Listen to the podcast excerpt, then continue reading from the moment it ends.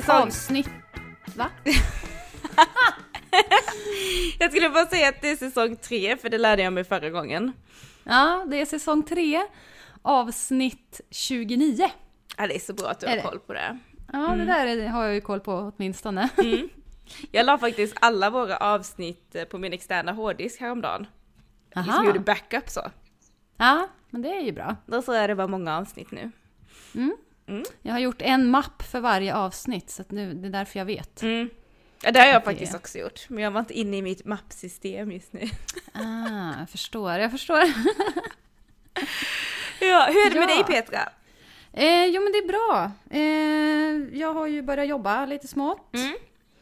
Eh, och när jag inte har jobbat lite smått så håller jag ju på då med eh, Bagarstugans tak. Mm. Ett evighetsprojekt utan dess like.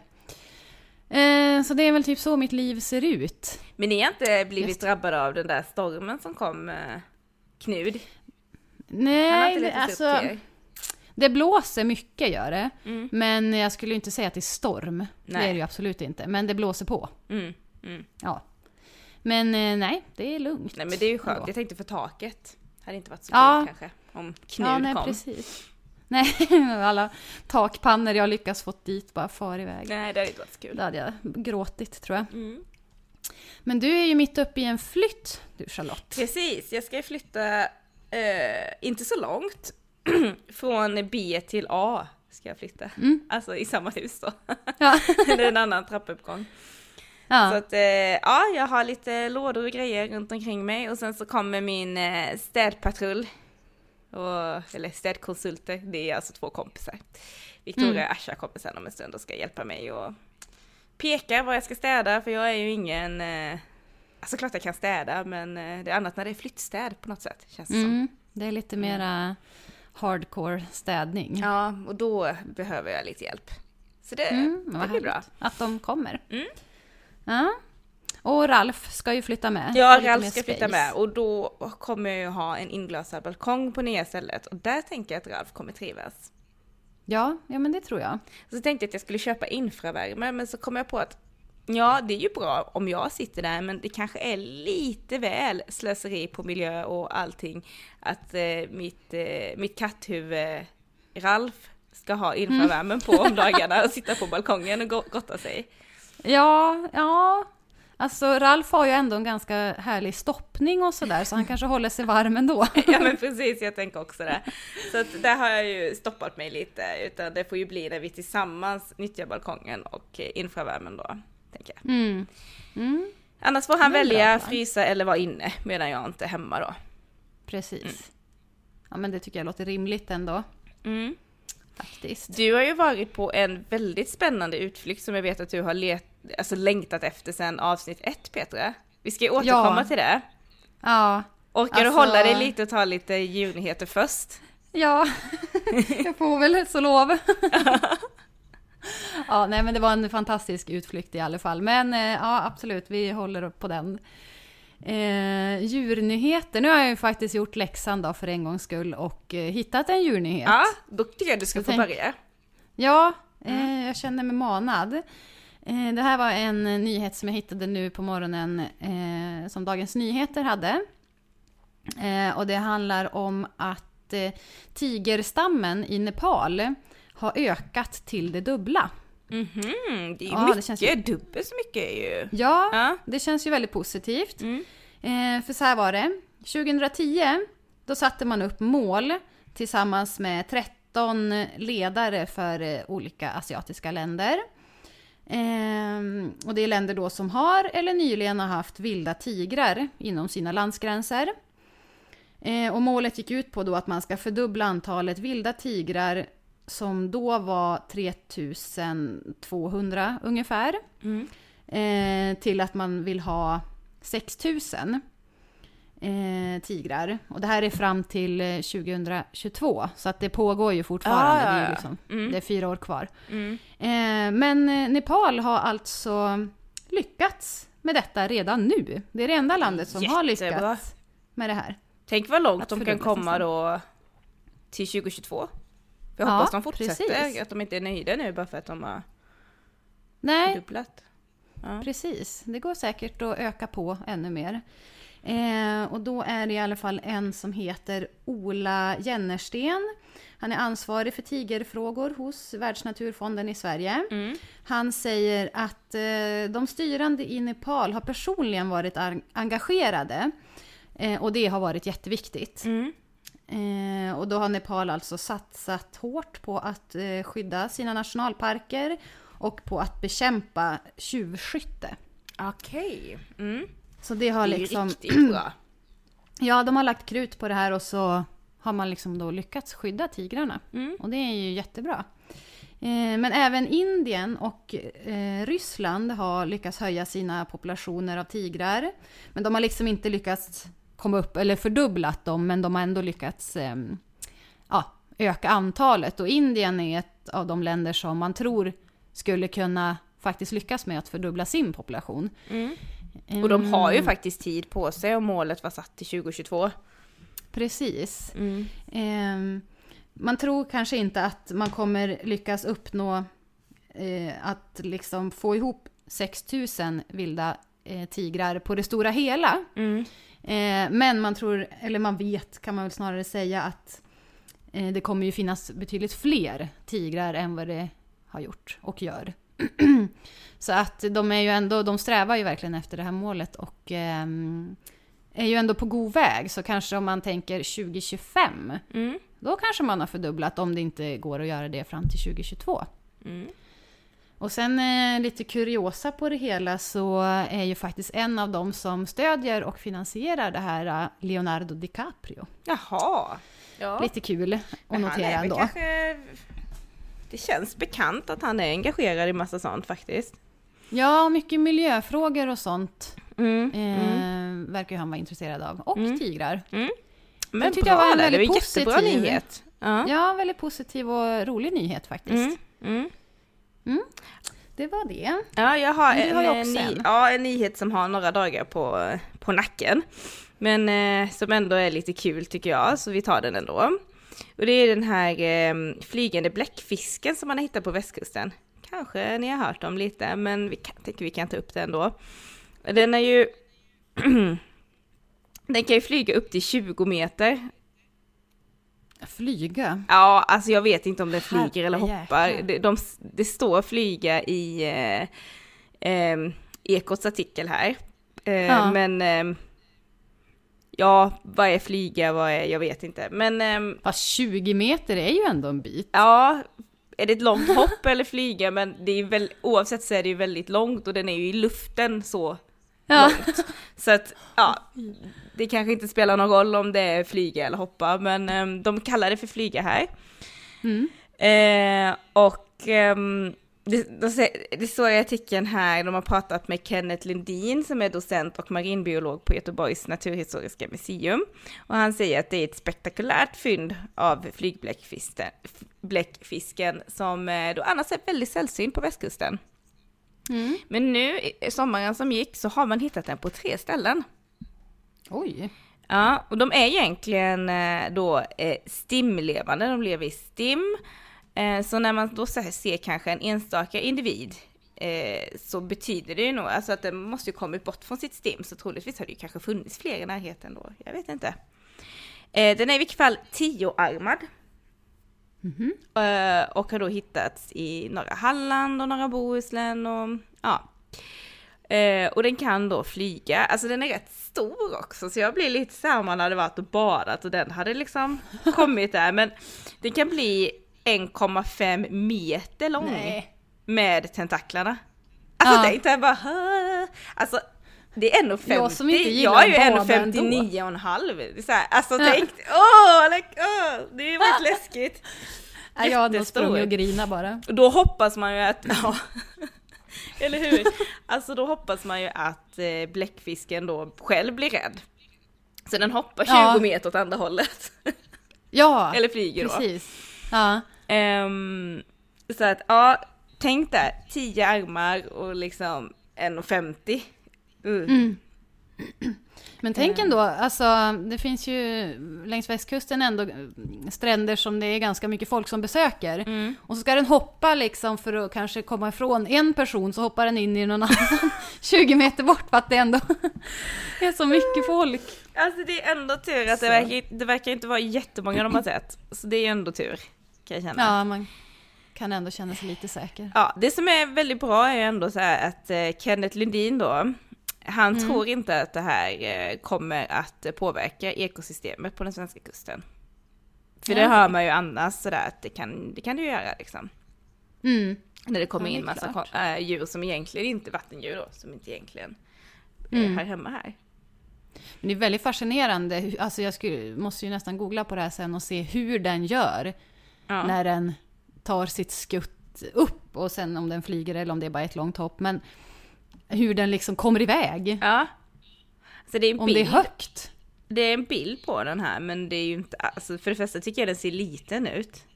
Mm. Så att man har inte, ja. Och man ser ju absolut inte hur den hoppar eller flyger. Nej. Men alltså Ja, det... det, är ändå sådär, det är ändå långt för att visst den var ju stor. Men inte så stor att det inte är imponerande liksom. nej. nej, en och en halv meter är ändå... Ja men det, Det är ju det är som att en annan skulle kunna flyga 20 meter, typ. Ja. Eller lite mer då. Så att det är inte Ja. liksom, det är ändå väldigt imponerande tycker jag. ja. Det är ändå en egenskap att ha om man ska hoppa längdhopp liksom. Ja, helt klart. Du menar om man Ja. skulle vara någon form av mutant, som i X-Men? Ja, Då men kan man om ha man själv lite liksom kunde hoppa flygbläck- 20 Ja, meter. då kan man ha lite flygbläckfisk-egenskaper. Mm. Som en Det mutation. kanske är en ny superhjälte de eh, kan skapa. Mm. Marvel eller någon sån där. Precis. Mm. Ja, spännande. Ja, men nog om det. Nu tycker jag du ska få berätta lite om din utflykt. Du har ju verkligen, Ja. du har verkligen längtat sen avsnitt ett. Eller kanske Ja, till och med det- innan dess. Ja, alltså jag har ju besökt djur som jag tycker väldigt mycket om. Jag är fascinerad av, jag tycker de är så himla fin. Och jag vill ju ha såna här djur. Mm. Eh, jag åkte till Skedom som ligger utanför Härnösand. Eh, och så träffade jag Katrin Åsén.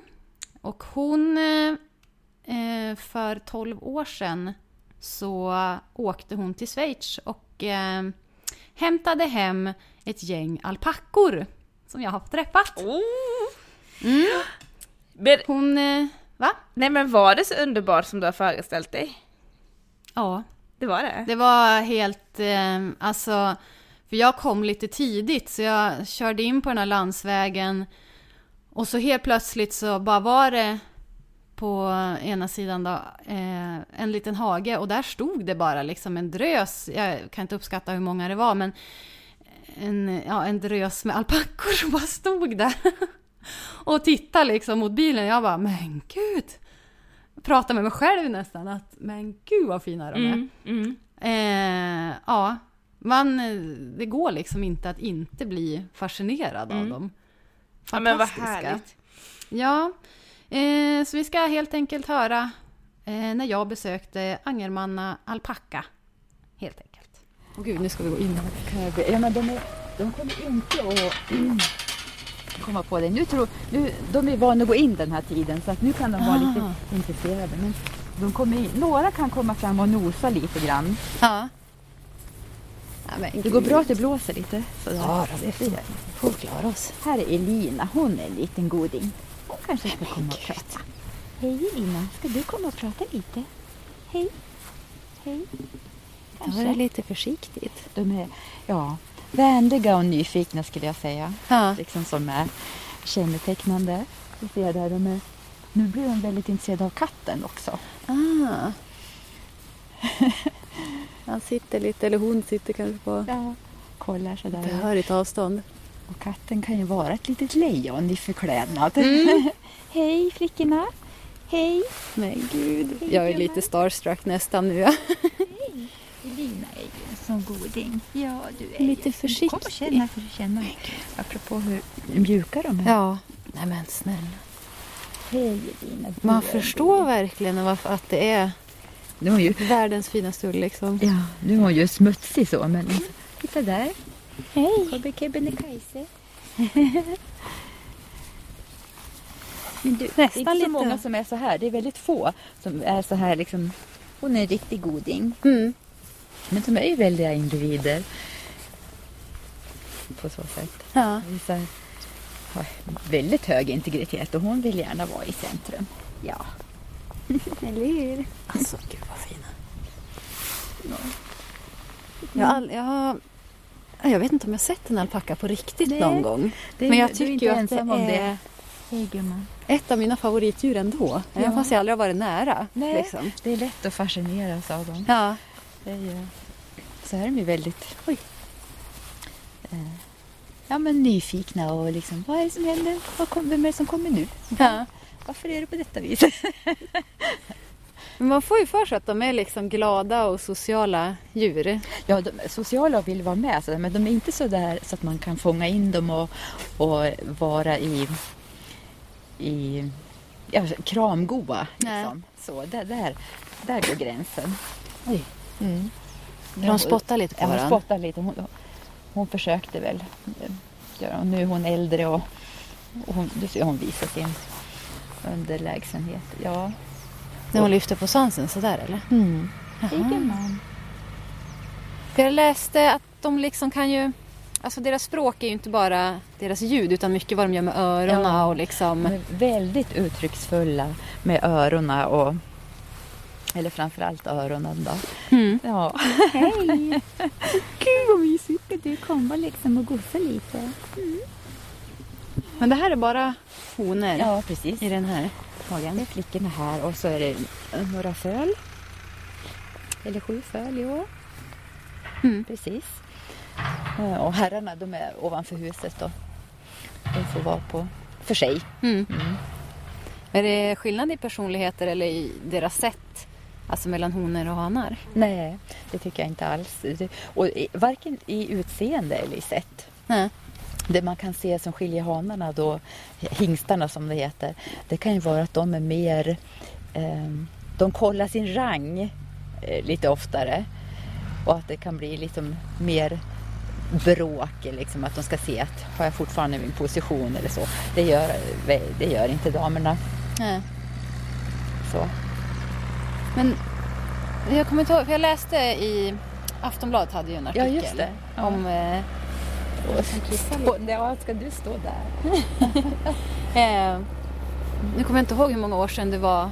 Ja, det är 12 år sedan. Det är 12 år sedan, sedan vi började. 2006 var det, när vi åkte till Schweiz.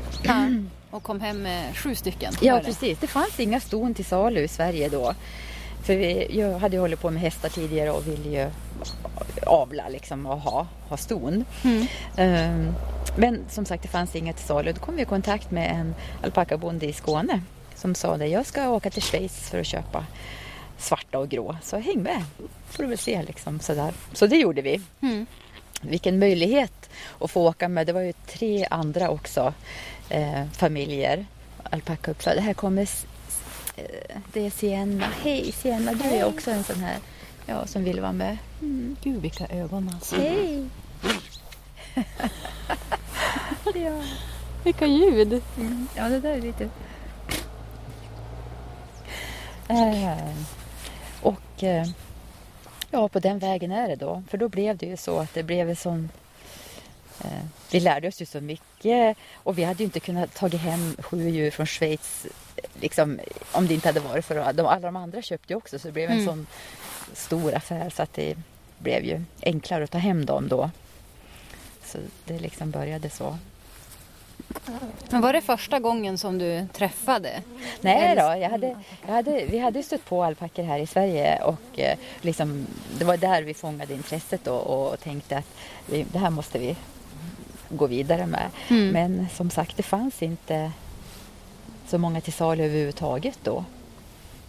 Mm. Mm. Hur, kommer du ihåg hur det var första gången du träffade en alpacka? Ja, men man blir ju väldigt fascinerad. Man tänker, just men vad är det där för djur? Och, och men sen att komma in så här i en flock också. Jag tänker just, du ser, hör vad tyst det är. Det är någon enstaka som kan ha någonting för sig. Men, men det är väldigt eh, annorlunda. Eller om man skulle gå till en flock får Mm. till exempel. Och så är de ju ja, så vackra och man blir, man blir fascinerad av de här djuren. Det är svårt att låta bli Ja. att inte bli det. Helt klart. Det tänker jag. Men jag tänkte det när jag körde upp här och, och såg dem. Men gud, jag sa det högt för mig själv. Men gud, de är så gulliga. Det är helt... Ja. Ja, jätte, jätte roligt. Och så, just att de är också sådana personligheter, så olika. Det är också så fascinerande. Mm. Ja, du är ju väldigt gosig. Ja, Elina är väldigt gosig. Åh, fin. Men hur var det då när ni liksom hade fått hem dem? Mm. Var liksom började ni någonstans med... Vad gjorde ni då? Ja, vi, jag minns det där var i oktober de kom och det var och så att de har ju läst på och pratat med så mycket folk och, och så vidare så vi satt ju stängsel och, jag- och eh, jag minns då hur hur, vi var ju så noga med att, att det skulle, stängslet skulle gå ner till backen för att inga andra djur skulle kunna komma in. Och eh, ja, så det gick ju bra men det, det regnade och var kallt och det var liksom, men vi måste ju bara få till det där stängslet. Eh, men, och sen när de kom så var jag ju livrädd liksom, att de skulle ta sig ut därifrån. Men det, det var ju, de var ju aldrig ens i närheten av att liksom, försöka ta sig ut. De är ju liksom väldigt... Eh, de är ju revirdjur så att de Mm. håller ju sig till, till sitt område, till sitt revir. Hej! Men hur var det liksom första morgonen då? När ni vaknade liksom och Ja. bara, men gud, vi har ju sju stycken alpackor Ja men precis och då var det att tänk om de har försvunnit eller oj oj oj oj oj. Sådär ut och nej, men det var väldigt eh, det var ju väldigt spännande då. Men, men så roligt. Mm. Men så blev det sen då att vi, vi hade tänkt att ja, men det finns ju hingstar i Sverige så vi, då köper vi en, eller då, då kan vi använda hingstar i Sverige. Men då visade det sig, som vi inte förstod egentligen när vi köpte att de ston vi hade köpt de var, så, de var riktigt bra ston. Så att, du vet när man ska avla då vill man att hingsten ska vara bättre än ens bästa sto.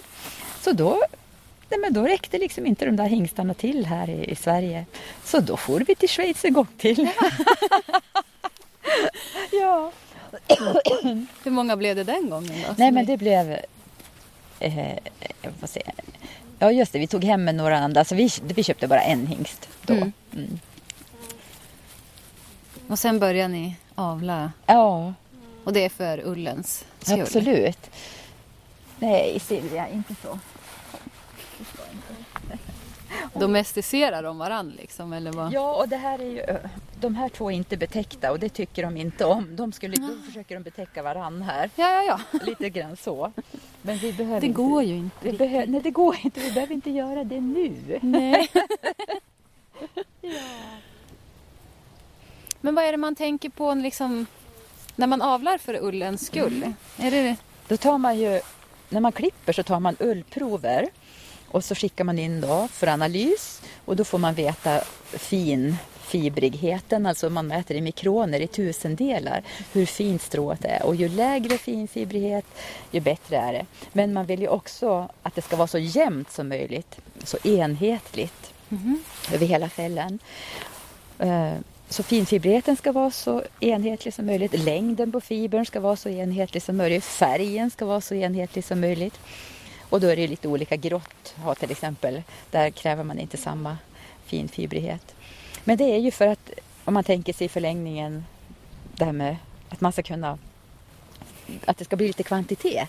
Då behöver det ju vara hög kvalitet på hela fibern. För det blir ju kanske bara två, tre kilo. Det kan, vara, det kan finnas djur som producerar mer också. Och det finns de som producerar mindre. Så det är inte så mycket ull på, e- på ett års klippning. Mm. Så därför måste det ju vara bra kvalitet. Eh, Så att det, det är liksom det som är utgångspunkten. Man, man använder de där analyserna sen när man ska eh, bestämma hur man ska betäcka vidare. Och, ja. Men sen är ju färg också en del i det där om man vill eh, avla på färg Mm. Till exempel. Är det någon färg som brukar vara mer populär än Det har ju blivit så på senare år att, att just färgade djur överlag, är, inte vita alltså, är, är mer populärt då. Och, och sen det här med svart och grått har blivit en modefärg. Mm. Och grått det är ganska svårt att få fram som, som överhuvudtaget då. Ja, vad hon står. Ja, det är- Hon känner in hela dig tror jag. Närgången och du Ja, är, det är så fin. Det är Florence. Ja. Ja.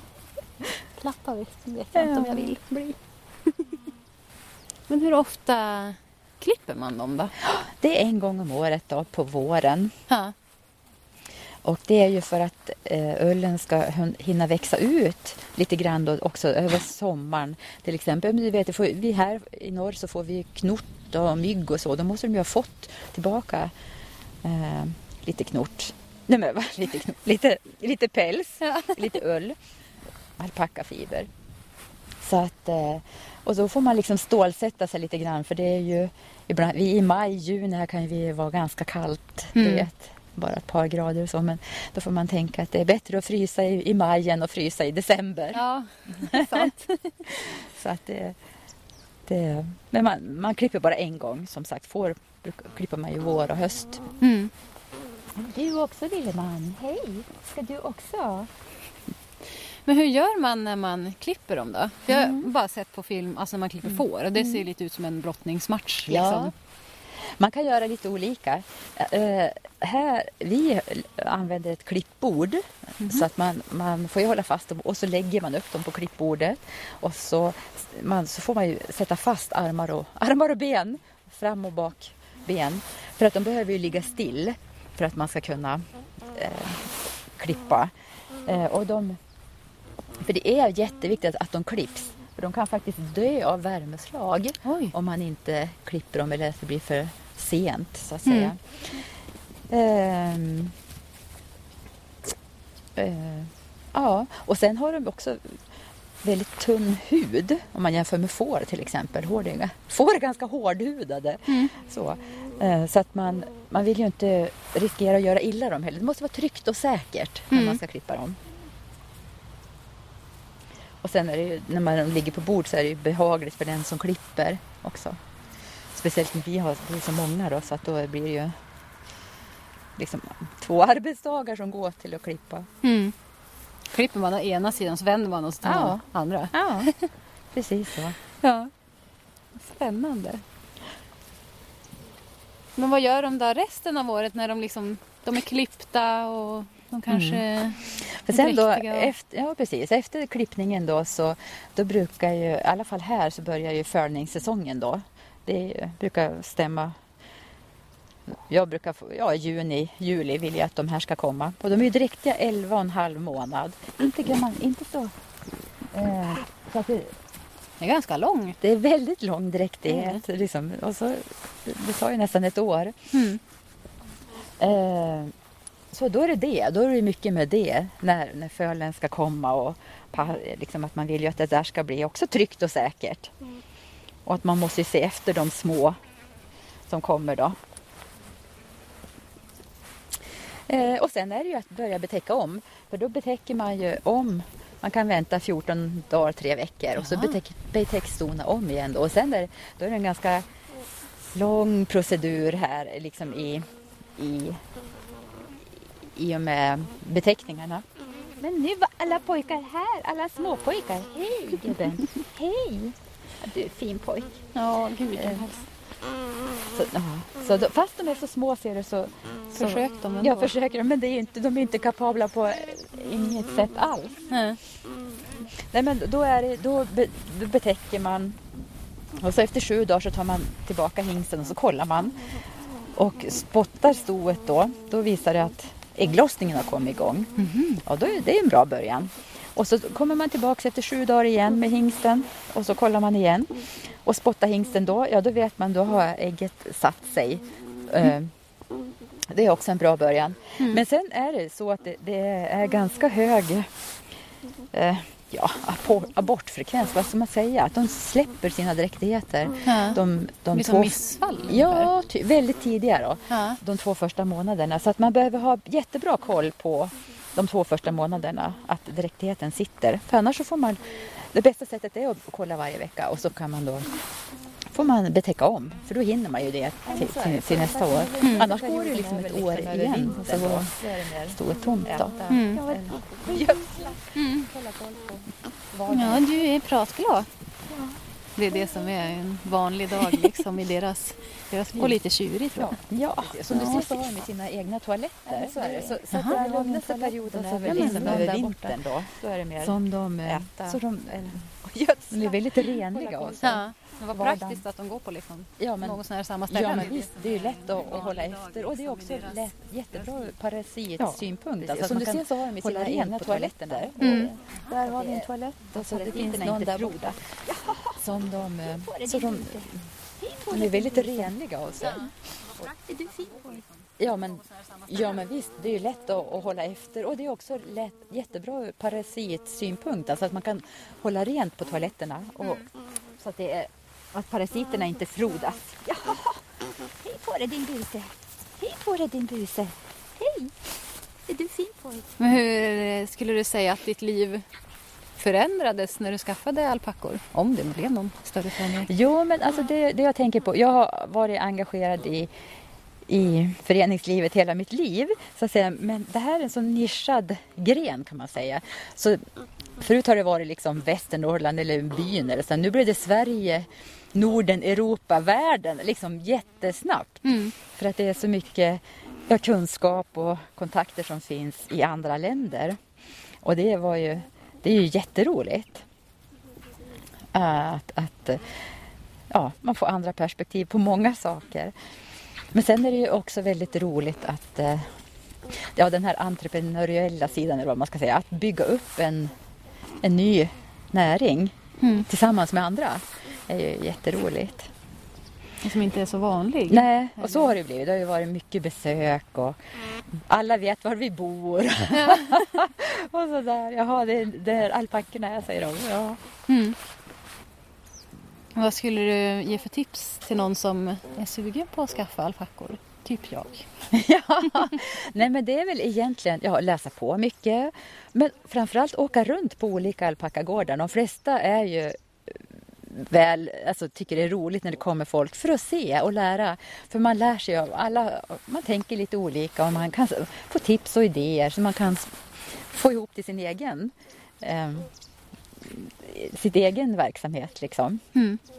Att inte ha så bråttom helt enkelt. Men också tänka igenom vad är det som passar mig?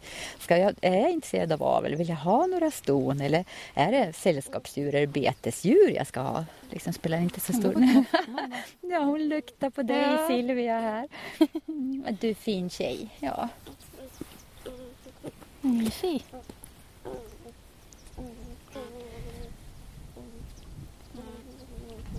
Ja, säger du. ja, hon är bedårande. Ja. Är du sugen på att äta Ska du, lite? ska du smaka på hennes jacka va? Mm. Nej, jag struntar i det. Ja. Jag tror inte den är så god. Nej. Vad skulle du säga är det bästa då med att ha alpackor? Ja, vad ska jag säga? Alltså det är alltså nytta med nöje tycker jag. Alltså de, de håller ju landskapet öppet här och betar. Och nöjet är ju eh, men att, man, att eh, vi kan använda alpackafibern. Eh, vi kan alltså tillföra någonting nytt i, i Sverige med en sån exklusiv produkt som det ändå är. Mm, men också att eh, ja, komma tillsammans. Det är ju som i alla andra föreningar eller så att man, man, man lär känna, känna nya människor och alltså på, allt som är på den vägen. Men det är... Ja, så tänker jag. Jag tänker bara sitta och titta på dem måste Ja. vara helt... Jo, men jag säger halva nöjet är att se dem från köksfönstret. Ja. Liksom. För nu, nu har jag ju så många blandade färger så jag ser ju nästan på håll vem som är vem. Man lär sig ju rörelsemönster och sådär så man ser vad är det på gång nu? Är hon, har det hänt någonting eller vad? Ja, sådär. Det tycker jag. Nu ska de flyttas alltså. Ja precis, nu ska de gå från samma, sommarhagen in till sitt alpackahus. Och där, för nu ska de ju få lite kraftfoder och vitaminer och mineraler. Och de är ju så vana att gå här så jag sätter bara upp två band över den här lilla vägen och så kommer de springande in. Och det här har de väntat på. Ja. Hela dagen. Ja, Är det kvällsfikat liksom? ja, lite, ja kvällsmat kan man säga då. Ja. Du får du se liksom alpakahuset då. Ja. Jag ska lägga ut maten först. Så. Ja, för då, då låter det som en lit, liten elefantjord när de kommer. Ja, jag kan tänka mig. Här har vi alpackahuset. Här ser man också toaletterna. Ja, du. För då får ju många, många på kvällen. Ja. Jag tycker alltid att det luktar så gott i den här. Med hö och... Jag har inte börjat strött. Men På vintern har de ju mer strö. Eller på hösten, det är så pass varmt. Det här är kamelibra och farbejäst heter det. det. Det som vi använder göra dem. Det är som något pellets på mig. Ja, du, du ser vad de är jättesmå de här pelletsen. Ja, du. Så, så nu ska jag lägga det här, hälla ut det i rännorna.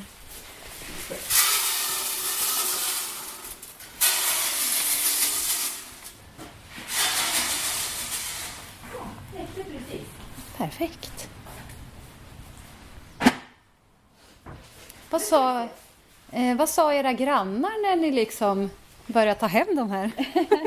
Ja, jag har världens bästa granne just nu. Alltså hon sa det. Men, eller hon säger då, när ska de flytta över dem till sommarhagen? När kommer de? Ja. ja, de blir närmare henne då. Vad sa du? Ja, hon är hon- nästan hon- omringad. Ja, gud vad mysigt. nu har vi några som är taggad på mat här.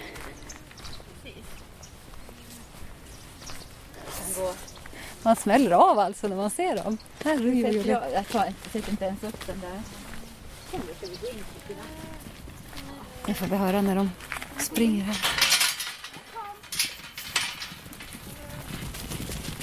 Kom, kom flickorna. Kom. Kom,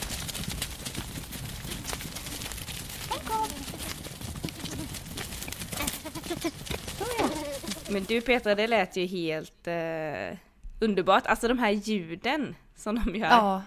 Jag vet inte hur man ska förklara dem, men vi har ju alla hört dem nu så. ja, det är ju liksom lite hummande sådär. Det är ju inte, alltså det, det som är, alltså det är så tyst. När vi gick in i hagen, de var ju helt tyst och så kom de bara, ja först stod de ju lite vid sidan av liksom. Men de kom ju lite närmare och närmare smygande sådär tyst. Liksom, det är inte som när vi var och besökte fåren Nej. när det var, var en hel Alltså det var ju bara Det var ju underbart på sitt bräk. sätt, men det var ju Ja. något helt annat. Det här var ju, ja, verkligen något helt annat. Mm. Jag kan ändå förstå att man, liksom att det blir nästan, det är ju rofyllt. Mm. Mm. Det är li, liksom tyst och så är de ändå nära en. Alltså jag kunde ju stå där och prata och så kom de ju lite närmare och närmare. Och så kände jag bara så här, nej men nu är det något som står nära mig. Och så vände jag på mig och så hade jag liksom ett alpacka-ansikte bakom som stod och luktade liksom på min eh, jacka sådär. Det finns ju underbara hej. bilder på dem också som vi har på vår Instagram. Ja, in precis. Gå in och titta, alltså de är så söt.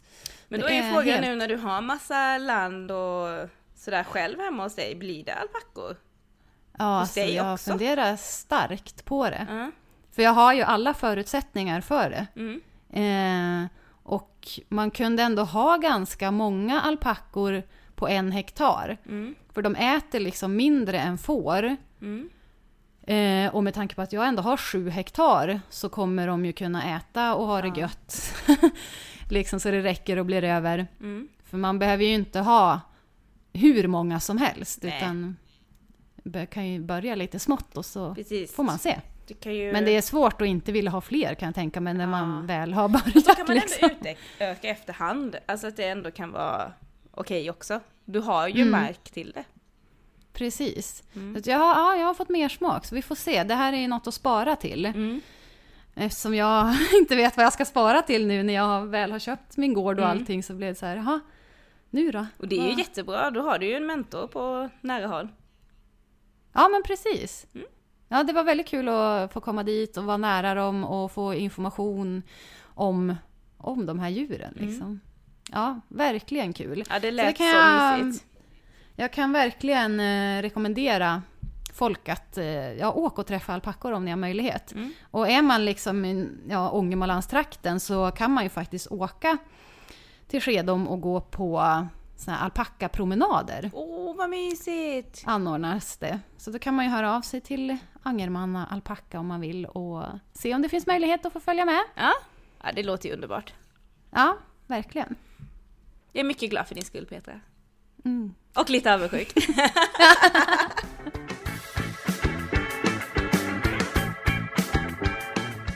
Ja, då har vi kommit fram till avsnittets djur. ja, det har vi gjort. Jag blev ju lite stum, lite tyst sådär när vi drog avsnittets djur. Förra Ja. avsnittet. Jag kände ju att jag hade inte alls koll på, ehm, på avsnittets djur. Bältdjur. Bältdjuret, precis. Ehm, men så började jag googla på det. Mm. Och då insåg jag ju väldigt fort att eh, bältdjuret är ju, då heter ju armadillo på engelska. Jaha. Precis, Det känner man ju ändå Och då igen. fick jag, ja, då fick jag upp massa associationer i huvudet. Har, har du kollat på serien Vänner mycket Petra? Ja, jag har ju faktiskt plöjt hela den för något år sedan. Ja, det finns ju ett avsnitt, jag vet inte om du tänker på samma som jag, men det finns ju ett avsnitt där Ross klär ut sig till The Holiday Armadillo. om jag minns det rätt Jag ser det nu. Ja, då är det ju då så han har ju en son, eh, men han bor ju inte ihop med sonens mamma då, så då ska han ju ha sonen Ben över jul. Mm. Eh, och då har han ju bestämt sig för att, eh, för han är part Jewish då, så då ska han eh, istället för jultomten så ska han lära Ben om Hanukkah. Och så Ja. blir ju, Ben är ju kanske, vad kan han vara, fem sex år eller någonting, så han blir ju ledsen, han vill ju att jultomten ska komma. Så då blir ju Ross sådär bara, nej men jag får gå få tag på en tomtedräkt ändå. Men då är ju alla slut. Mm. Eh, så det enda de har är ju någon sån armadillo-dräkt. Så då klär han ut sig till The Holiday Armadillo. Ja, alltså varför Ja, inte? Man och- får ju ta det som finns. Precis, och eh, ja, jag vet inte hur representativ den här utklädda Ross är då med en riktig, eh, ett riktigt bältdjur då. Eh, men eh, det man kan säga då som de har gemensamt i alla fall, det är att de båda befinner sig på amerikanska kontinenten. För Ross bor ju då i New York och bältdjuret återfinns mest i eh, ja, centrala delar av amerikanska kontinenten. Så det är ändå Okej. liksom, ja. Lite så. Men ja, det var ju den bilden jag fick upp och den är inte helt missvisande men inte helt rätt heller kan man ju säga då. Aha. Nej, alltså Ja. Ross är ju alldeles för stor och så. Men eh, ja, eh, bältdjuret är ett däggdjur och den har ett hårt läderaktigt pansarskal. Som består av plattor som är bildat av horn och ben. Så, ja. Ehm, och vid fram och bakkroppen så har de också plattformade sammanvuxna, alltså sköldar typ. Mhm. Ja, man får nästan googla, det är jättesvårt att förklara helt men eh, i mitten på själva armadillon, så, eller ja, bältdjuret kommer jag säga nu, så finns det, alltså så har den som ringar som är öppna vid buken. Så det finns liksom Jaha. hudveck mellan ringarna och de går liksom tvärs över bältdjuret. Så ja, undersidan av bältdjuret är täckt av mjuk hud och päls. Och pansat till färgen är så här mörk eller gulvitaktig. Det beror på lite vilken art det är och sådär. Eh, och pansardelen av bältdjuret är grå till eh, brunaktig, typ. Ja. Mm. Det är lite svårt att föreställa Ja, sig, men jag försöker. Det, det är svårt att föreställa sig. Det, man får tänka liksom, ja hur ska man tänka, men eh, ett litet djur med liksom en pansarsköld på. Mm. Ja, det är lite svårt. Den har, um, om man då tänker på huvudet så, det är liksom flera arter då, men en- några av dem de är liksom spetsiga fram på nosen. Och så har den eh, på ovansidan av huvudet benplattor. Och sen finns det andra arter som har en annan form av huvudet och använder sitt huvud som en skyffel. Alltså, jag vet inte, det här är ju lite, det är, det är lite svårt att förklara hur den ser ut. Men ögonen kan vara både spetsiga, avrundade och ögonen är små. Mhm. Och så har de kraftiga klor. Eh, och beroende på art så kan de ha 3 till 5 tår på framtassarna och 5 på bakfötterna. Eh, och eh, den har också en svans som är spetsig och täckt av benringar. Storleksmässigt så kan det variera väldigt mycket. Det kan vara allt från 15 cm lång och väga 100 gram till att vara eh, en meter lång och då har man inte räknat med svansen. Och då väger den typ 60 kilo. Så det är väldig variation mellan arterna ja, då. Det var ett stort spann. Mm. Eh, den tillhör familjen pansrade trögdjur och är också den enda levande delen av den här familjen. Fortfarande levande delen av den här familjen. Men det är de... också ett trögdjur alltså? Ja, precis. Den är släkt. var ju också Precis, det kommer här nu att den är släkt med både mysloka och sengångare. Ah, mm. se där. Eh, så ja, de är ju det, helt enkelt släkt. Och mm. det, då tänker jag där att en del har den här spets, spetsig nos och lite sånt ah. också. Att det kanske, eh, och liksom i formen att de är lite så här, ja det kanske är lite likt ändå. Jag vet inte. Ja, men kanske. Mm. Bältdjuren är ju kända för att de då kan rulla ihop sig till hårda bollar och det är så de skyddar sig från fienden så det är därför de har det här pansat. Mm. Um, och, Lite igelkottstaktik. Ja, fast istället ja. för taggar så är det pansar då. Eller liksom ja. ett hårt skal. Uh, och de finns ju i Amerika, de flesta arterna i Sydamerika, i så Brasilien, Bolivia, Paraguay, Argentina. Men det finns också två arter i Centralamerika och i södra USA. Mm. Eh, och de gillar att leva i torra regioner som halvöknar, stäpper och savanner. Och då lever de ensamma och de gillar inte dela på sina bon med andra arter och så. Men de är mest aktiva på nätterna. Och de har en lång, klibbig tunga och små tänder. Eh, vilket då gör att den kan få sin föda, alltså den är bra på att få upp sin föda som är då insekter och rygg, andra ryggradslösa djur. Eh, större arter av bältdjuret kan också äta ödlor och möss och sånt. Och det mm. händer att de käkar as och växter. Mm. Så det är lite sådär. De har väldigt bra luktsinne så de kan hitta byten som befinner sig, befinner sig 20 cm under markytan.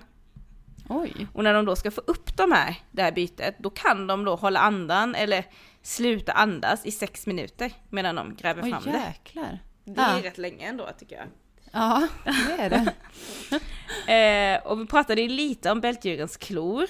Eh, och eh, ja, man kan verkligen säga att de har klor. Eh, arten då, jättebältan, de har 15 centimeter långa klor. Nej men gud. Och det stod, eh, det här var på Wikipedia, men det stod att det är också rekord i hela djurriket. Ja. Och med de här klorna så är ju, de här jättebältan är ju, alltså de kan ju öppna stenhårda termitbon med de här klorna. Men det är klart 15 ja. centimeter, alltså det är ju rätt, det är en halv linjal. Ja, jag satt och mått jag satt och måttade ja. här lite för mig själv, bara, men gud det är skitlångt. Det är svinlånga klor. På ett djur som ändå inte är så stort. Nej, alltså jag antar att jättebältan, det står ju inte här, men det stod att en del då kunde bli, eh, eh, vad var det, 60 centimeter? Nej, mm. en meter och väga 60 kilo. Så ja, jag antar att jättebältan borde ju vara så, men det är ändå jävligt långa klor alltså. Ja, det är det. Det är väldigt långa klor ändå. Um, men ja, de kan ju då rulla ihop sig till en boll. Och de får det här pansarskalet, men de kan också simma. Och de kan fylla, då fyller de sin magsäck och tarm med luft så att de inte drunknar. Vad smart. Ja, för jag tänker så här, jag vet inte om du kommer ihåg det här avsnittet med Ross då när han klär ut sig. Mm. Men han eh, kan ju typ knappt röra på sig. För att den här dräkten är så, st så här eh, stel typ. Ja. så man kan ju tro när man ser då eh, bältdjuret att det är rätt klumpigt, men eh, det, det, är det nödvändigtvis, nödvändigtvis inte då, utan den kan liksom röra sig bra ändå. Mm. Um, och när den sover så gillar den att gräva ner sig lite i jorden så. Ja, mm. lite mysigare kanske. Ja, ålder då, bältdjuret i vilt eh, tillstånd eller i naturen då kan det bli 12 till 18 år gamla. Och i fångenskap så har de blivit upp till 30 år. Oj! Mm. Det är en bra ålder. Men här kommer något spännande. Eh, för att de är dräktiga i ungefär fyra månader. Och då föder de sina unga i ett underjordiskt bo. Inget konstigt med det. Eh, men, alltså de kan...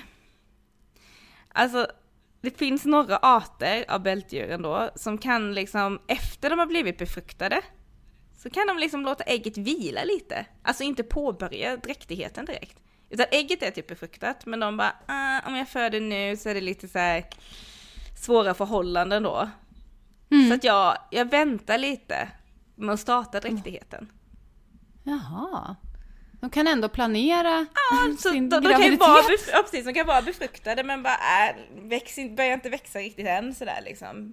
Börjar inte graviditeten riktigt än utan jag sätter den på paus. Och det kan de göra upp till några månader. Och sen bara, men nu Oj. liksom, om jag vill ha ett sommarbarn, ja men nu, nu kör jag liksom.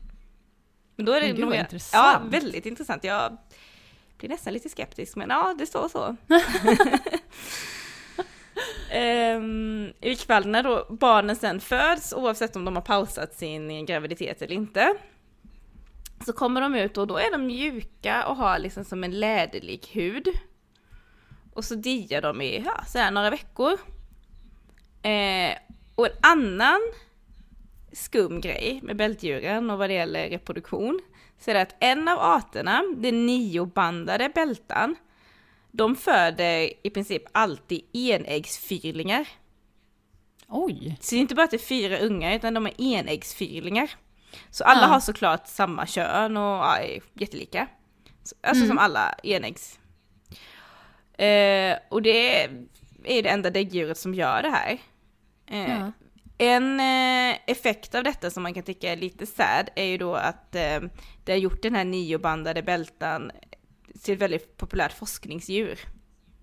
Okej. För att de är väl enägg då. Då kan de ju testa Mm. olika grejer antar jag på, Ja, Om det är det ja, på enda den kullen djuret då som... liksom. Mm. Ja. Och det är fyra likadana. Det är inte enäggstvillingar utan det är enäggsfyrlingar. ja. Så ja, Mm. eh, lite intressant i just eh, den kategorin där. Ja. Ehm, bältdjuren då, de är rätt sällsynta nu för tiden. Och det beror ju på att människor jagar dem. Dels för köttets skull, vilket ska vara riktigt smarrigt. Eh, och människan förstör ju också områden där bältdjuren gillar leva. Mm. Eh, men det finns också de som eh, har bältdjuren som sällskapsdjur eller för att då motverka skadedjur. Så att, eh, ja, väldigt intressant vi djur har ändå. Vi som har katter för att hålla borta möss och Ja, sånt där. det stod liksom inte riktigt eh, på vilket sätt man gör det här då. Men jag antar att det är något sånt eftersom de gillar de här. Ja. Men om man googlar på en bild, jag ska försöka beskriva det här lite bättre. Så, så ser, alltså bältdjuret det ser ju väldigt klumpigt ut men det ser ut som en en råtta i en pansardräkt typ. Ja. Kan man säga. ja, Ja. intressant. Sen finns det ju väldigt många olika arter så alla kanske är lite mindre likt en råtta och mer likt någonting annat. eh, Men ja, för att förklara det så gott det går så skulle jag nog säga det. Lite, lite som en råtta eller mus med en pansardräkt. Mm. Kanske- Inte som Ross i en... Nej. eh, Kanske att de har lite längre ben än råttan Ja. kanske. En Ja, del av dem ser jag här nu när jag liksom scrollar i flödet har nog lite, ja de är lite högre liksom. Men, Ja. ja. Väldigt underligt Ja, men jag, jag ska ta och googla lite själv så jag verkligen får upp, eller ja, se om min bild stämmer som jag har i huvudet nu. Ja, precis. Ja, men gör det. Men väldigt Ja. intressant djur. Det var väldigt kul att lära sig om det. Ja, det hade väldigt eh, sp- speciella egenskaper. Mm. Mm. Ja, Helt klart. Men det är lite konstigt att vi drog ehm, två släktingar efter varandra så. Ja, det har vi inte gjort tidigare. Nej, Vi ska se då vad det blir nästa, nästa, gång. gång. Ja. Om det blir en släkting eller om det blir något helt nytt. Mm. Här är jag en lapp. Ja. Ja. ja.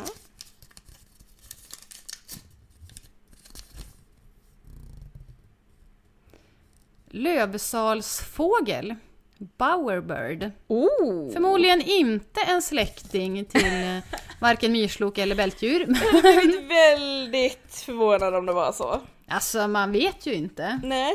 Kan ju vara. Det här är i alla fall eh, våran lyssnare Malin som har skickat in den här eh, önskningen till avsnittets djur. Kul! Och det kan ju fler människor göra. Man kan gå in på Instagram, på tal om djur, skicka ett eh, DM till oss. Där man önskar. Eh, eller skriva på Facebook, går jättebra. Så gör vi små lappar och stoppar ner i våra burkar. Och vill man inte det så kan man mejla också. Ja, det kan man också göra. På tal om djur, outlook.com. Om man nu föredrar det. Ja, det finns kan man många vägar att gå. Ja, det var kul. En fågel till nästa gång då. Ja, precis. En lövsalsfågel. Mm. Ja. Jag ska grotta in mig i det. Det djuret. Kul Petra! Mm. Det blir Men bra. då säger vi väl så för idag så får du gå och drömma dig vidare kring om du ska ha dina egna alpackor sen. Ute på din, Mm. på din gård. På mina vidder. Ja. Mm. Ja men det blir bra, jag ska bara inte ramla ner från taket först. Så. ja nej men det får du inte göra. Håll i dig Petra. Ja, jag gör mitt bästa. Men jag börjar ändå bli van att vara där uppe så att det, det ska nog gå Ja. bra. Ja, det hoppas vi på. Det får inte gå något annat än bra. Nej, det är bra. Vi säger så. Lycka till med flytten Charlotte. Tack så mycket! Vi hörs. Hej hej! Hej hej!